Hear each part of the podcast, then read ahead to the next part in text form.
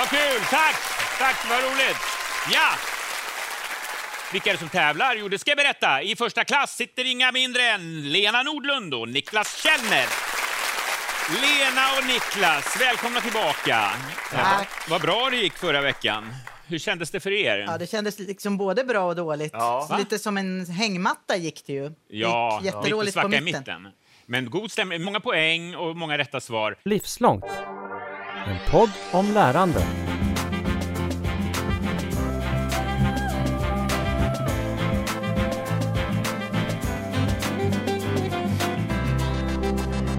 Det här avsnittet tycker jag är så kul att spela in så att man kanske får stoppa mig lite längs vägen. kanske blir för långt eller så. Men det är med en person som jag har fått jobba med i både vardag och fest, Nobelfest rent av.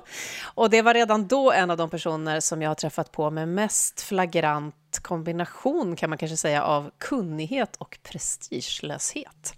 Och som lyckas göra vetenskap och forskning till ren underhållning. Något som fler än jag idag får se faktiskt, närmast ikväll. För när vi spelar in det här så vet inte jag hur det går, men det vet någon annan i På spåret. Du till exempel, Lena Nordlund från Vetenskapsradion och Sveriges Radio. Varmt välkommen till mig. Tack. Så kul att ha dig här i Livslångt. Du, det här är ju nästan i paritet med när jag hade med en kvinna som heter Carolina Angelis som gäst här i podden. Hon har jobbat för FRA och MUST. Och jag frågade om hon inte var konstant rätt och rädd för att säga sig. Eh, Du kanske inte jobbar med Ah, hot ja. mot Sveriges säkerhet då, men hur lätt har du att hålla den här hemligheten om På spåret? Ja, men förvånansvärt lätt. Jag är en väldigt så här babblig och öppen person. Eh, Men nej, ibland har jag fått såna där frågor. Det, det gäller ju, jag kan inte ens prata om det har kommit några fler inspelningar eller sånt där. Och det, Nej. det, de som är väldigt inne börjar luska även i om jag säger att jag åkt tåg till Göteborg och sådär. så att, så att jag har insett att jag svarar nästan inte på några frågor. Men jag vet ju hur det går ikväll. Det kan Ja, jag säga. Just det. Och att jag är med ikväll. Ja, precis. Det fick jag ju veta ändå. Så det, och det vet vi ju för att alla är med två gånger. Eh, och då så vet vi, när det här sänds på tisdag så vet ju vi alla hur det gick med för dig och Niklas Källner. Eh, vi, ni vann förra veckan över också oss hemma i tv-soffan, även om vi är hyfsat bra, men vi har ju en app som stöd. och vi ska komma tillbaka till allt det där, Lena. Men eh, alla som kanske inte är lika bekanta med dig som jag var redan innan du dök upp i rutan förra året i På spåret. När du ska berätta för dig själv om någon nu då, eh, vad berättar du då? Vem är du? vem jag är. Jag är en kvinna i... Ja, man får väl inte ens säga övre medelåldern, den har jag väl nästan passerat. Jag är 61 eh, eh, och jag har jobbat jättelänge på radion som vetenskapsjournalist. Jag betraktar mig fortfarande som en Nyköpingstjej fast jag har bott i Stockholm i decennier. Eh, jag växte upp och gick i skolan i Nyköping så jag är liksom en småstadstjej. Ehm, Vetenskapsjournalist var ingenting jag hade tänkt från början. Jag är inte en sån målinriktad person men jag har blivit kvar på Vetenskapsradion i snart 30 år. Men vetenskap var ju ändå någonting som låg dig nära från början. Hur blev liksom Lena från Nyköping intresserad av kemi, för kemist är du i botten, och vetenskap i stort? gick också lite vingligt. Men jag har, har en... Ja. Eh, mina föräldrar, mamma var mellanstadielärare och pappa eh, fysiker. Så att jag har ju liksom säkert fått sånt. Och jag tyckte naturvetenskap var roligt. Men jag tyckte det var ännu roligare med språk. Så att jag vinglade lite och läste språk först. Kände mig in, och sen började jag läsa ekonomi som var väldigt eh, fel för mig. Eh, men eh, då kände jag, mm, för jag läste franskinriktad ekonomi, internationell ekonomi. Och då kände jag bland alla de här antingen ekonomerna som var väldigt karriärinriktade eller alla de här franskvurmande tjejerna som hade gått humanistiskt, att jag nog var naturvetare. Så då började jag där. Men där kände jag mig också, där saknade jag liksom den här lite mera humaniora-sidan. Så jag har alltid vinglat däremellan, jämt. Är det den kombinationen du tycker att du nu har fått ihop då? Humaniora-sidan Ja, med ja. bilda och... Mm. Ja. För jag, för jag började ju inte som journalist. Jag, började, jag gick, jag gick eh, på KTH och blev civilingenjör och började inom läkemedelsindustrin. Men trivdes inte riktigt där heller förrän jag fick börja hjälpa en forskningschef att översätta forskningsartiklar från franska. Då blommade jag ut och försökte skriva dem roligare än vad, jag, än vad de var från början. Och så där. och tänkte att det här är nog min grej. Och så skolade jag om mig lite, gick på Journalisthögskolan. Först gick en kvällskurs på Poppius som var ganska intensiv. Och sen jobbade jag ett litet tag med språkvård på ett ställe som heter TNC. Då hette det Tekniska nomenklaturcentralen, sen Terminologicentrum. Men det var alltså fackspråk och språkvård jag jobbade med. Men då ville jag ju igen, det var ju bara ett steg för att jag ville bli journalist. Men hade inte fått ett journalistjobb än.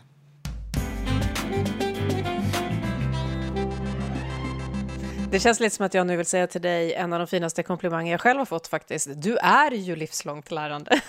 Men vad säger du om, vad, vad, säger det här, din väg där du har liksom sökt dig fram och behövt kombinationerna och människorna låter det som, om dig och ditt lärande tycker du? Jag tycker att det är väldigt slumpartat var jag hamnat. Eh, jag har inte varit målmedveten från början men jag har ändå hela tiden velat någonstans.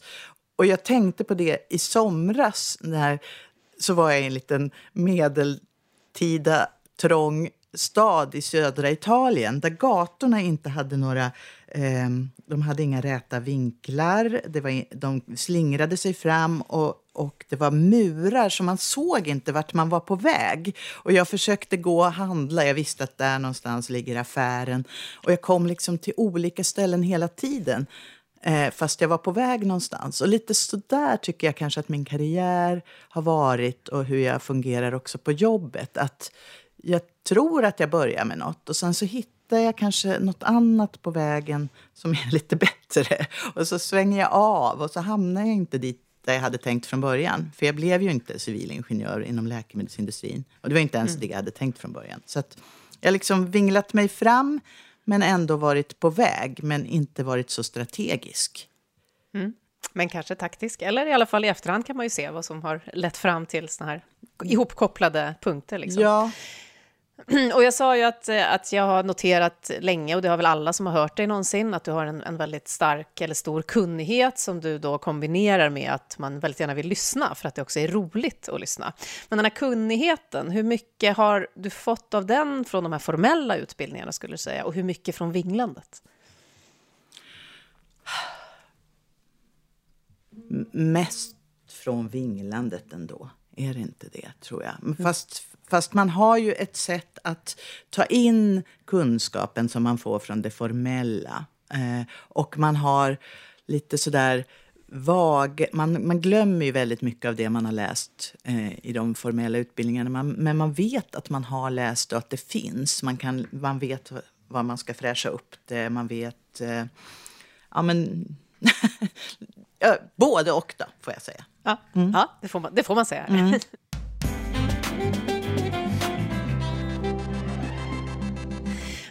En sak som jag har funderat mycket över sen jag ju då eh, lämnade journalistvardagen som eh, enda vardag till vardags och eh, har pratat med många andra också, det är den här vad som driver en journalist, där ju alla svarar i början av sin utbildning eller sin karriär att jag är så nyfiken. Och sen har jag funderat på, är alla journalister verkligen så nyfikna och hur hörs det? Hur svarar du på den drivkraften att försöka både förstå och förklara det som du jobbar med, som ju är ganska komplext? Jag är nyfiken, men jag är verkligen inte nyfiken på allt. Jag är nyfiken på eh, öden eh, och ämnen som jag tycker är viktiga. Eh, jag skulle vilja att, min driv, att jag kunde säga att min drivkraft är att jag tycker det är så viktigt att folk kan saker om naturvetenskap för att det är så många viktiga framtidsfrågor som klimatet och... Du känner att du borde säga det? Ja, men det är ju liksom det som, det är ju viktigt. Ja. Men min drivkraft är att jag tycker om att berätta historier och berättelser. Men då försöker jag ju i det hitta historier och berättelser som jag själv tycker är viktiga. Och då tror jag att de blir viktiga för lyssnaren också. Till exempel, nu så har jag precis gjort en dokumentär lite utanför Vetenskapsradion. Jag, jag har jobbat med dokumentärer under året och då har jag gjort en dokumentär om den första svenska kvinnan som åkte på abortresa från Sverige till Polen på 60-talet. Mm. Eh, och hon blev den som satte igång en hel våg av såna resor på 60-talet när det var jättesvårt att få göra abort i Sverige. Och den tycker jag är så viktig och intressant eftersom det nu är tvärtom i Polen och på många håll i världen. Så är det så viktigt att komma ihåg hur det var hos oss då och hur, hur lätt såna här saker kan ändras. Ehm, men då är det ju hon som öde, som den personen mm. som jag träffar som är den som är spännande att berätta om. Mm, och samhällsperspektivet hör man ju där verkligen. Mm.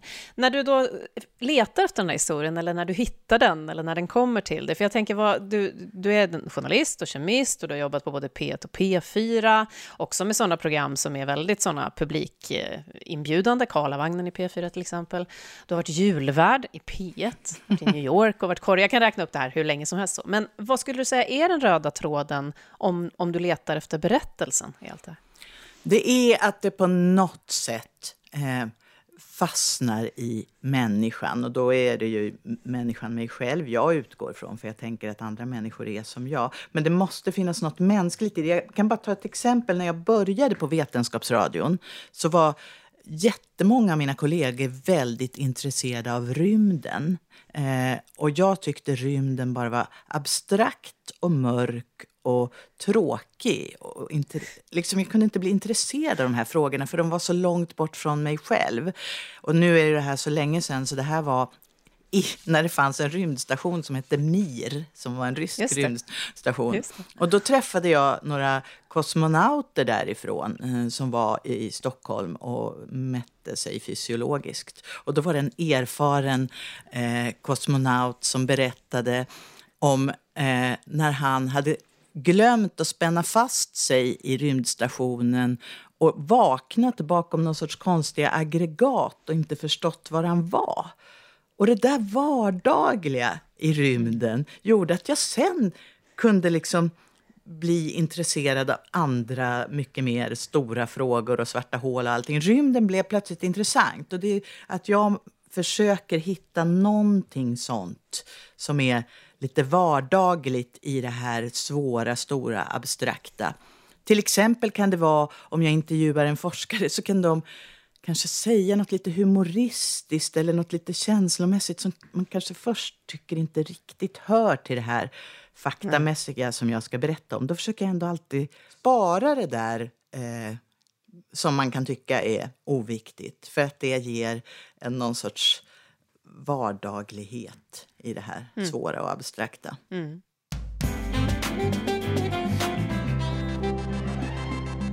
Men när du nu nämnde rymden och det förra avsnittet då, där du grämde dig öppet i tv. Nu kommer mina rymdintresserade kollegor att... Hur är det att ha den här eh, rollen? Att då, du har berättat för andra och nu ska du liksom sätta din kunskap sätts på prov i På spåret. Hur, hur är det? Jag tycker faktiskt inte att det är så farligt om jag, om jag inte kan vetenskapsfrågor. Jag är inte så... Eh, det är inte mitt liv att kunna all teoretisk kunskap. Jag tycker att jag var rädd för första gången när jag skulle vara med att jag skulle göra bort mig något katastrofalt. Kanske att jag skulle säga något tokigt. Och så, var, så tyckte jag att det viktigaste var att jag inte var en jättedålig förlorare. Och klarade jag de sakerna, då tyckte jag att allt, allt blev bonus. så att jag, jag, det gör mig inte så mycket om jag gör bort mig, för det gör jag ju också. Jag, Jag har ju både... Och det är ju någonting som jag som tittare måste säga att det är ju de skönaste lagen. Det är de som inte sitter på helspänn och som man nästan blir nervös tillsammans med, eller å deras vägnar. Eh, men ni var ju med förra året då tills ni åkte ut mot Cecilia Dyringer och Jonathan Unge. Mm, som som rejält åkte vi ut. Re ja. ja, och sen blev ju de besegrade då i finalen av Maria Agerell och Fritte Fritzson. Mm. Eh, nu har jag väl alla På spåret-älskare med mig, tror jag. Men överhuvudtaget, att, att få den här frågan och vara med i ett kunskapsprogram, hur upplevde du det? Jag tror att jag blev inkallad som någon sorts reserv, för det var väldigt kort varsel. Och jag tänk, först tänkte jag bara säga nej, för jag hade liksom inte fattat riktigt storheten i det där. Så började alla mina kollegor skrika att jag måste åtminstone åka och provfilma. Sen bara tyckte jag att det var roligt. Så då, då, gjorde, ja, då tackade jag ja. Eh, och jag fattade faktiskt inte riktigt. Jag vet ju att de har jättemycket tittare, men jag fattade inte riktigt hur stort det där genomslaget var. Nu tycker jag att det är jättebra, för jag tror att det har inneburit att eh, ja, folk har fått lite upp ögonen för, för mig inom radio. Jag har fått göra lite roligare grejer ett tag och så där. Så att det var liksom, det, det var bra. Kommer folk fram på stan också? Ja, det, det har hänt också. Och jag har fått kontakt med så här gamla gamla klasskompisar och studiekompisar och så från förr som har hört av sig. Så att, eh, jag, jag, förstod inte riktigt skillnaden på tvs genomslag och radios genomslag. Även om jag vet att det är så, så trodde jag inte att skillnaden var så stor. Jag har ju ändå jobbat på radion i snart 30 år. Herregud. Ja, I anonymiteten. Rösten fick en kropp. Ja, ja, vi som gömde oss på radion. Ja, ja. Det kommer man ihåg. Mm. Jag hörde någon kollega som intervjuade dig på Sveriges Radio där du sa att du hade blivit väldigt självmedveten av det här. Hur yttrar sig det? Jo, men det var ett, det var ett tag eftersom eh, man, man, syns ju så mycket. Jag blev så där, och så, då var det också så att folk kunde titta på mig på tunnelbanan och de stod väl och funderade på om de, vem jag var, om de, att de kände igen mig och så där. Då började jag tänka så här, måste jag sminka mig nu när jag går ut på stan? Och så där. Att jag var igenkänd på ett sätt som jag inte har varit förut. Men det har varit lugnare i år, så jag, jag är inte riktigt, jag tänker inte så lika länge. Nej. Men min, min dotter brukar säga ibland så här, nu får du skärpa dig. Nu är du ännu mer en offentlig person så där, när vi är ute tillsammans. Ja, vi får se hur, eftersom jag inte vet hur det går då, hur långt det här sträcker sig, den här hypen den här gången.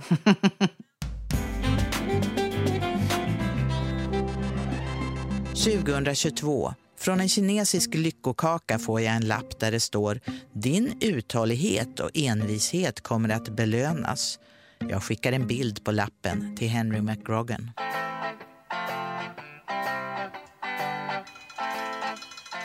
Efter att jag skickat bilden på lyckokakslappen om envisheten får jag svar nästan direkt från manager McGrogan. Ja, så är det, skriver han och meddelar att jag kommer att få en intervju med Iggy Pop i Oslo i början på sommaren. Nej, jävlar! Men som du sa då, så i vanliga fall så fokuserar du ju mycket på någon annan mm. och inte på din egen prestation här då, mm. när du träffar människor som du intervjuar. Och när du för Vetenskapsradion eller andra träffar sådana som Iggy Pop och då vinner du Guldörat som är ett radiopris och när du intervjuar Bonnie Tyler så avslöjar hon grejer om sin röst för dig och du fick Börje Salming och prata om sina R och så. Vad är det tror du som gör att du når in till dem, såväl till Nobelpristagare som då till hockeystjärnor eller någon annan? Kanske att jag vänder mig till dem och frågar om saker som de inte har förväntat sig. Eh, Bonnie Tyler sa det där var de konstigaste frågorna jag fått någonsin. Hon var liksom van att få frågor om sina sånger och sin karriär och inte om sina stämband. Jag tror att de kan tycka det är roligt att få prata om någonting annat än det de har tjatat sig igenom under hela sina karriärer. Det märktes också med Iggy Pop. Han älskade att prata om sin egen hälsa och böcker och simning. Eh, sådär, så att, Vilket ni ju hade gemensamt, ja, visade det sig. Mm. mm. Jag är nervös, hjärtat dunkar. Jag kollar igenom fusklappen med frågor om jag skulle få hjärnsläpp och hör plötsligt mig själv gå och viska formuleringar på engelska där i ensamheten. Så här brukar jag aldrig bete mig. Hello. Hi. Hi. Lena? Nice to see you. Hi, nice to meet you. När Iggy Pop kommer in försvinner nervositeten direkt för han har ett stort vänligt leende. Han är artig, ber till och med mig om lov att få in en kaffe under intervjun. Would it be all right if, once we get started, if I ask Henry to smuggle me in a shot of coffee? It's, It won't it's absolutely okay. Yeah, yeah, yeah, yeah. Och hur gör du för att ens nå dem? För Iggy Pop vet jag, det var ingen eh, kvart det tog att få med honom Nej, det, ja, det var ju jättesvårt. Eh, för att forskare vet jag ju hur man kontaktar. Där, där är det mer lite raka spåret. De här kända personerna de har ju ofta höga murar runt sig. Och där kämpade jag jättemycket med Iggy Pop i 11 år. Jag fick liksom kontakt med hans manager. Och då gäller det att ha en sorts lågintensiv eh, tjatkampanj. För om man tjatar för mycket, då, då, tänk, då får ju de hål i huvudet och lägger, stänger av en helt. Så att jag gjorde så här någon gång per år. Mm, Hallå, kommer du ihåg mig? Och så vet jag att eh, någon gång tyckte jag att jag hade börjat nästan tjata hål i huvudet. Så då dämpade jag ner det. Och sen tog jag upp tjatet igen och skrev “Kommer du ihåg mig?” och då skrev managern tillbaka “Of course I remember you. Some people would have given up by now.” Så jag tror att det där att inte ge upp men inte vara för påträngande är det som har gett resultat. I know something you do that I love to do also. Swimming. Swimming. That's right, you like to swim. Well, this, okay, fair enough. The sea. Simning, det har jag skrivit om i mina brev, så att vi har det intresset gemensamt har han koll på. Det var kärleken till havet som fick honom att flytta till Miami på 1990-talet. The sea's big for me, and I always tried to get to it. And finally, when I was about 50, living in New York, uh, the hell with it. You know, the hell with this.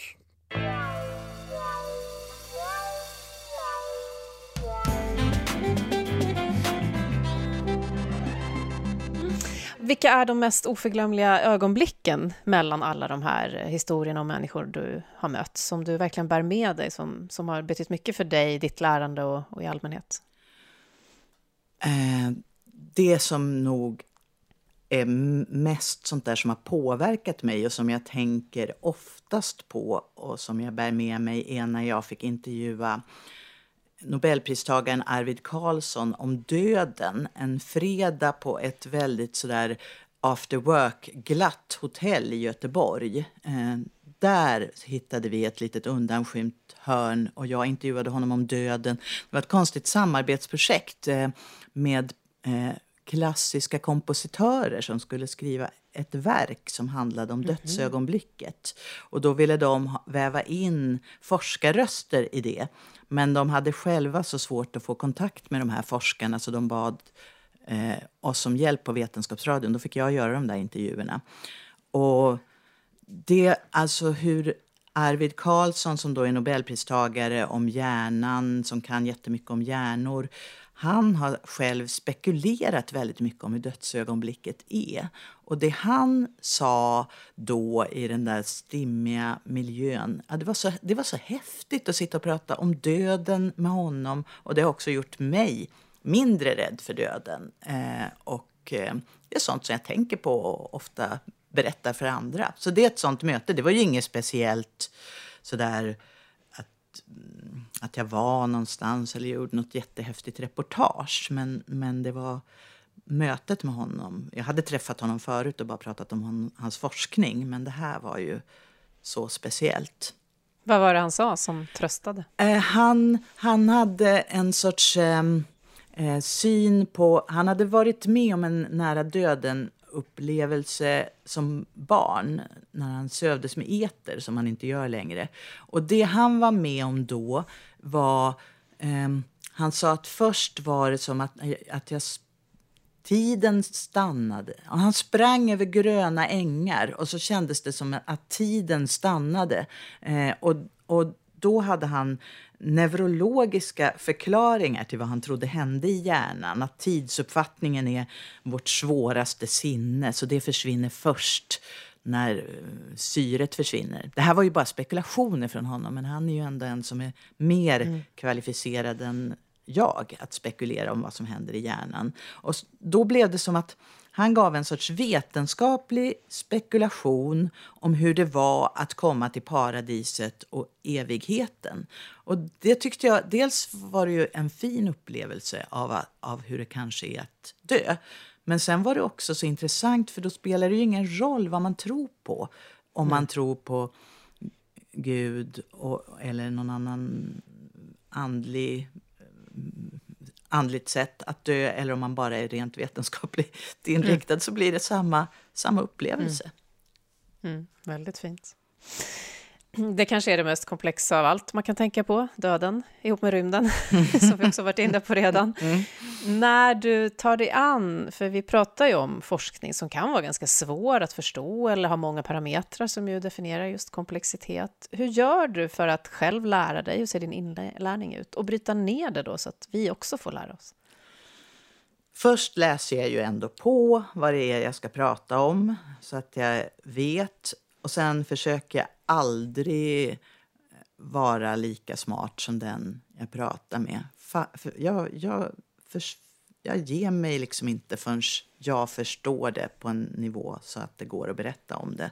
Eh, ja, det är väl så jag gör. Ibland hinner Och man. det är den där prestigelösheten jag nämnde. Är du inte då någonsin orolig för att verka som att du inte kan? Eh, Jag ställer frågan eftersom jag själv har fått den. Nej, det är jag inte orolig för. För att mitt jobb är ju inte att vara en forskarkollega eller vem det nu är jag intervjuar. Mitt jobb är ju att förs- försöka förstå det så att jag kan berätta det för lyssnarna.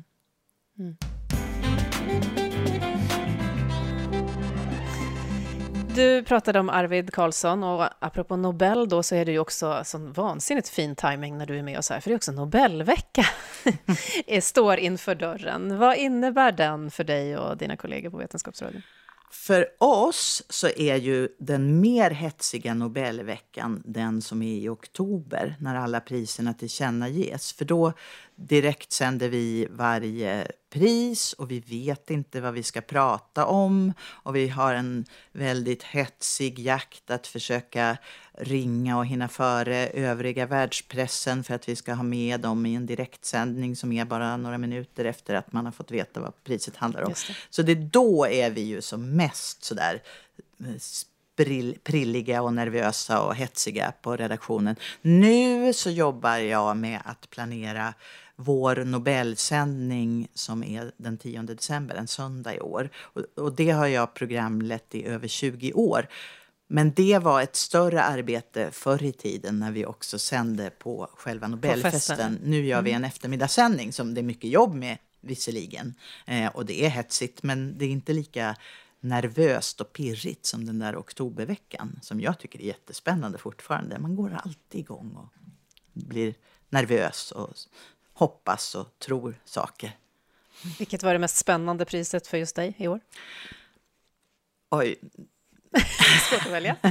jag, var, jag tycker väl kanske att eh, eh, medicinpriset ändå som handlade om upptäckten som ledde till vaccinationerna mot covid-19 var det som jag tyckte var mest spännande. Och sen fanns det ett väldigt spännande människoöde i den ungerska kvinnliga forskaren Caricot som, som eh, ja, hon har en spännande egen historia och då blir också priserna roliga.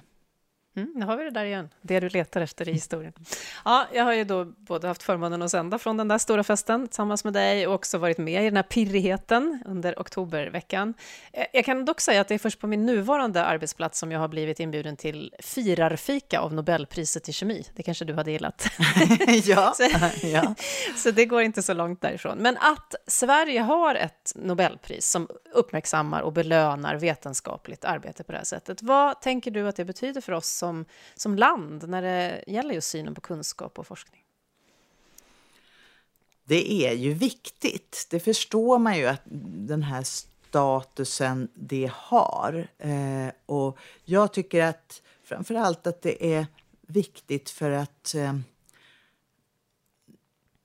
åtminstone en gång per år så pratar man om grundforskning som ju inte är så lätt. Det handlar ju inte så ofta om upptäckter som, eh, som direkt eh, att det är upptäckten som ledde till en tillämpning utan den kommer ju ofta långt senare och att det blir viktigt Just det. så. Så det tycker jag är att man, att man verkligen får grotta ner sig och, och hylla grundforskning. Det tycker jag är intressant. Och sen är det också, man förstår ju hur viktig den här statusen är. Till exempel när jag nu, jag är också väldigt intresserad av Macchiarini-skandalen och jag har precis tittat på en ny dokumentär som handlar om hans eh, kärlekshistoria också där han inte heller var ärlig. Eh, och då handlar det ju så mycket om hur många människor som, som litade på honom för att han var på Karolinska institutet som också delar ut Nobelpriset. Det, det säger en del, så det är ju viktigt. Det är viktigt för att eh, har lyckats behålla den här statusen även om det har varit på väg ner ibland. Men att det fortfarande har gjort det så gör ju att, att vi intresserar oss för de här ämnena. Och sen är det ju viktigt att de håller sig så där rena och fina som de ibland inte riktigt har lyckats. Nej, det finns många skandaler i det där. Mm. Macchiarini, för de som då inte är direkt kopplade, är ju transplanterade strupar. Ja, skandalkirurgen eh, som gjorde de här Ja. plaststruparna. Det har kommit en, en ny dokumentär som tyvärr inte går att se i Sverige än, men som är spännande.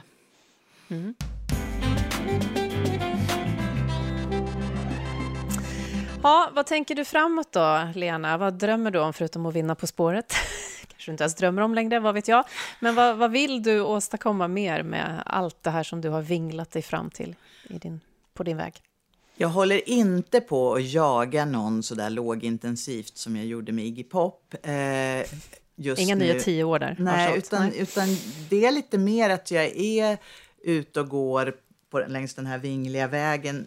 Jag, jag, jag kommer snart att hitta något, något som jag svänger in på som leder mig dit. Någon ny berättelse. Jag, jag, jag vill hitta såna där spännande grejer och kanske göra fler dokumentärer för det har jag tyckt varit jätteroligt att jobba med. Ehm, jag, jag har ingen sån där eh, jag måste nå hit i min karriär, någon sån tanke. Utan jag tänker mer att jag vill hitta fler viktiga och, och roliga och spännande historier att berätta. Och det där roliga då, en sak som man varandes i din närhet aldrig glömmer är ju din röst förstås, men det får ju kanske jag till och med höra ibland. Men sen har du en grej till, vilken kan det vara? Att jag skrattar så högt. Ja. Där kom det! Jag ville ändå ha fram det. Ja. exakt. Det är ett skratt. Det är väldigt karaktäristiskt och befriande och inbjudande. Vad, vad betyder humor för dig i den här världen som du befinner dig i och rapporterar om? Jätteviktigt faktiskt. Det är ju också så man får kontakt med personer man ska intervjua. Det är, så, det är väldigt bra att använda sig av för att ja, men för att släppa på prestigen. Och det är också väldigt viktigt när man pratar om torra, abstrakta ämnen. Och det är väldigt viktigt för vardagslivet och så. Men sen, sen så kan det säkert vara lite störande när man sitter i redaktionslandskap att jag skrattar så högt. Mm, det blev jag... Eh, det skrevs om mig i en medarbetarundersökning kan man säga, i ett sånt eh, landskap. Så det kanske vi delar lite grann. Ja, för det här var ju inte hur det låter när det är riktigt. Det här var ju bara Nej, just det, precis. Det kan slå, det kan dista mer i, i mätarna. Mm. Jag säger som vanligt, vart är vi på väg? 10 poäng. Vi ger oss iväg på vår andra resa. Men för Tirpitz blev det den sista. Att vi är på väg mot ett slags holme är vårt första antagande.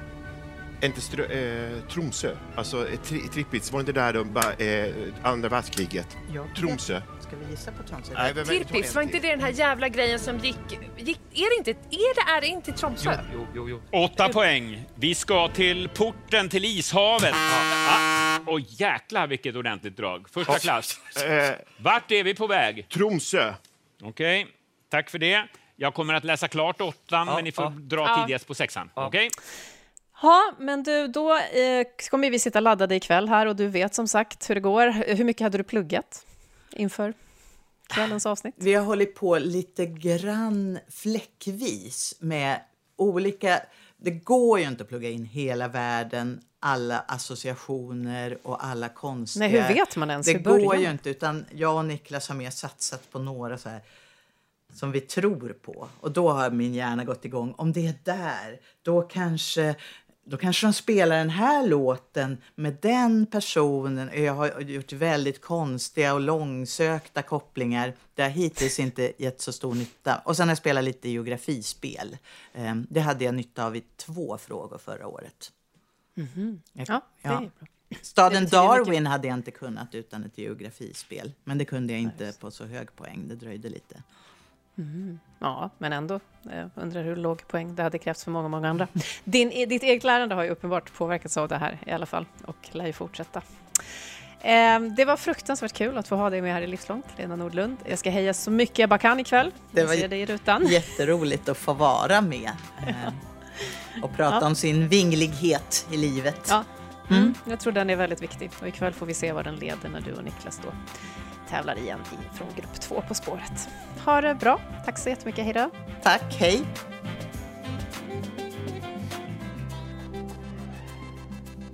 Du har just hört Livslångt, en podd från RISE om allt det där man lär sig i livet. Vi hörs om en vecka igen.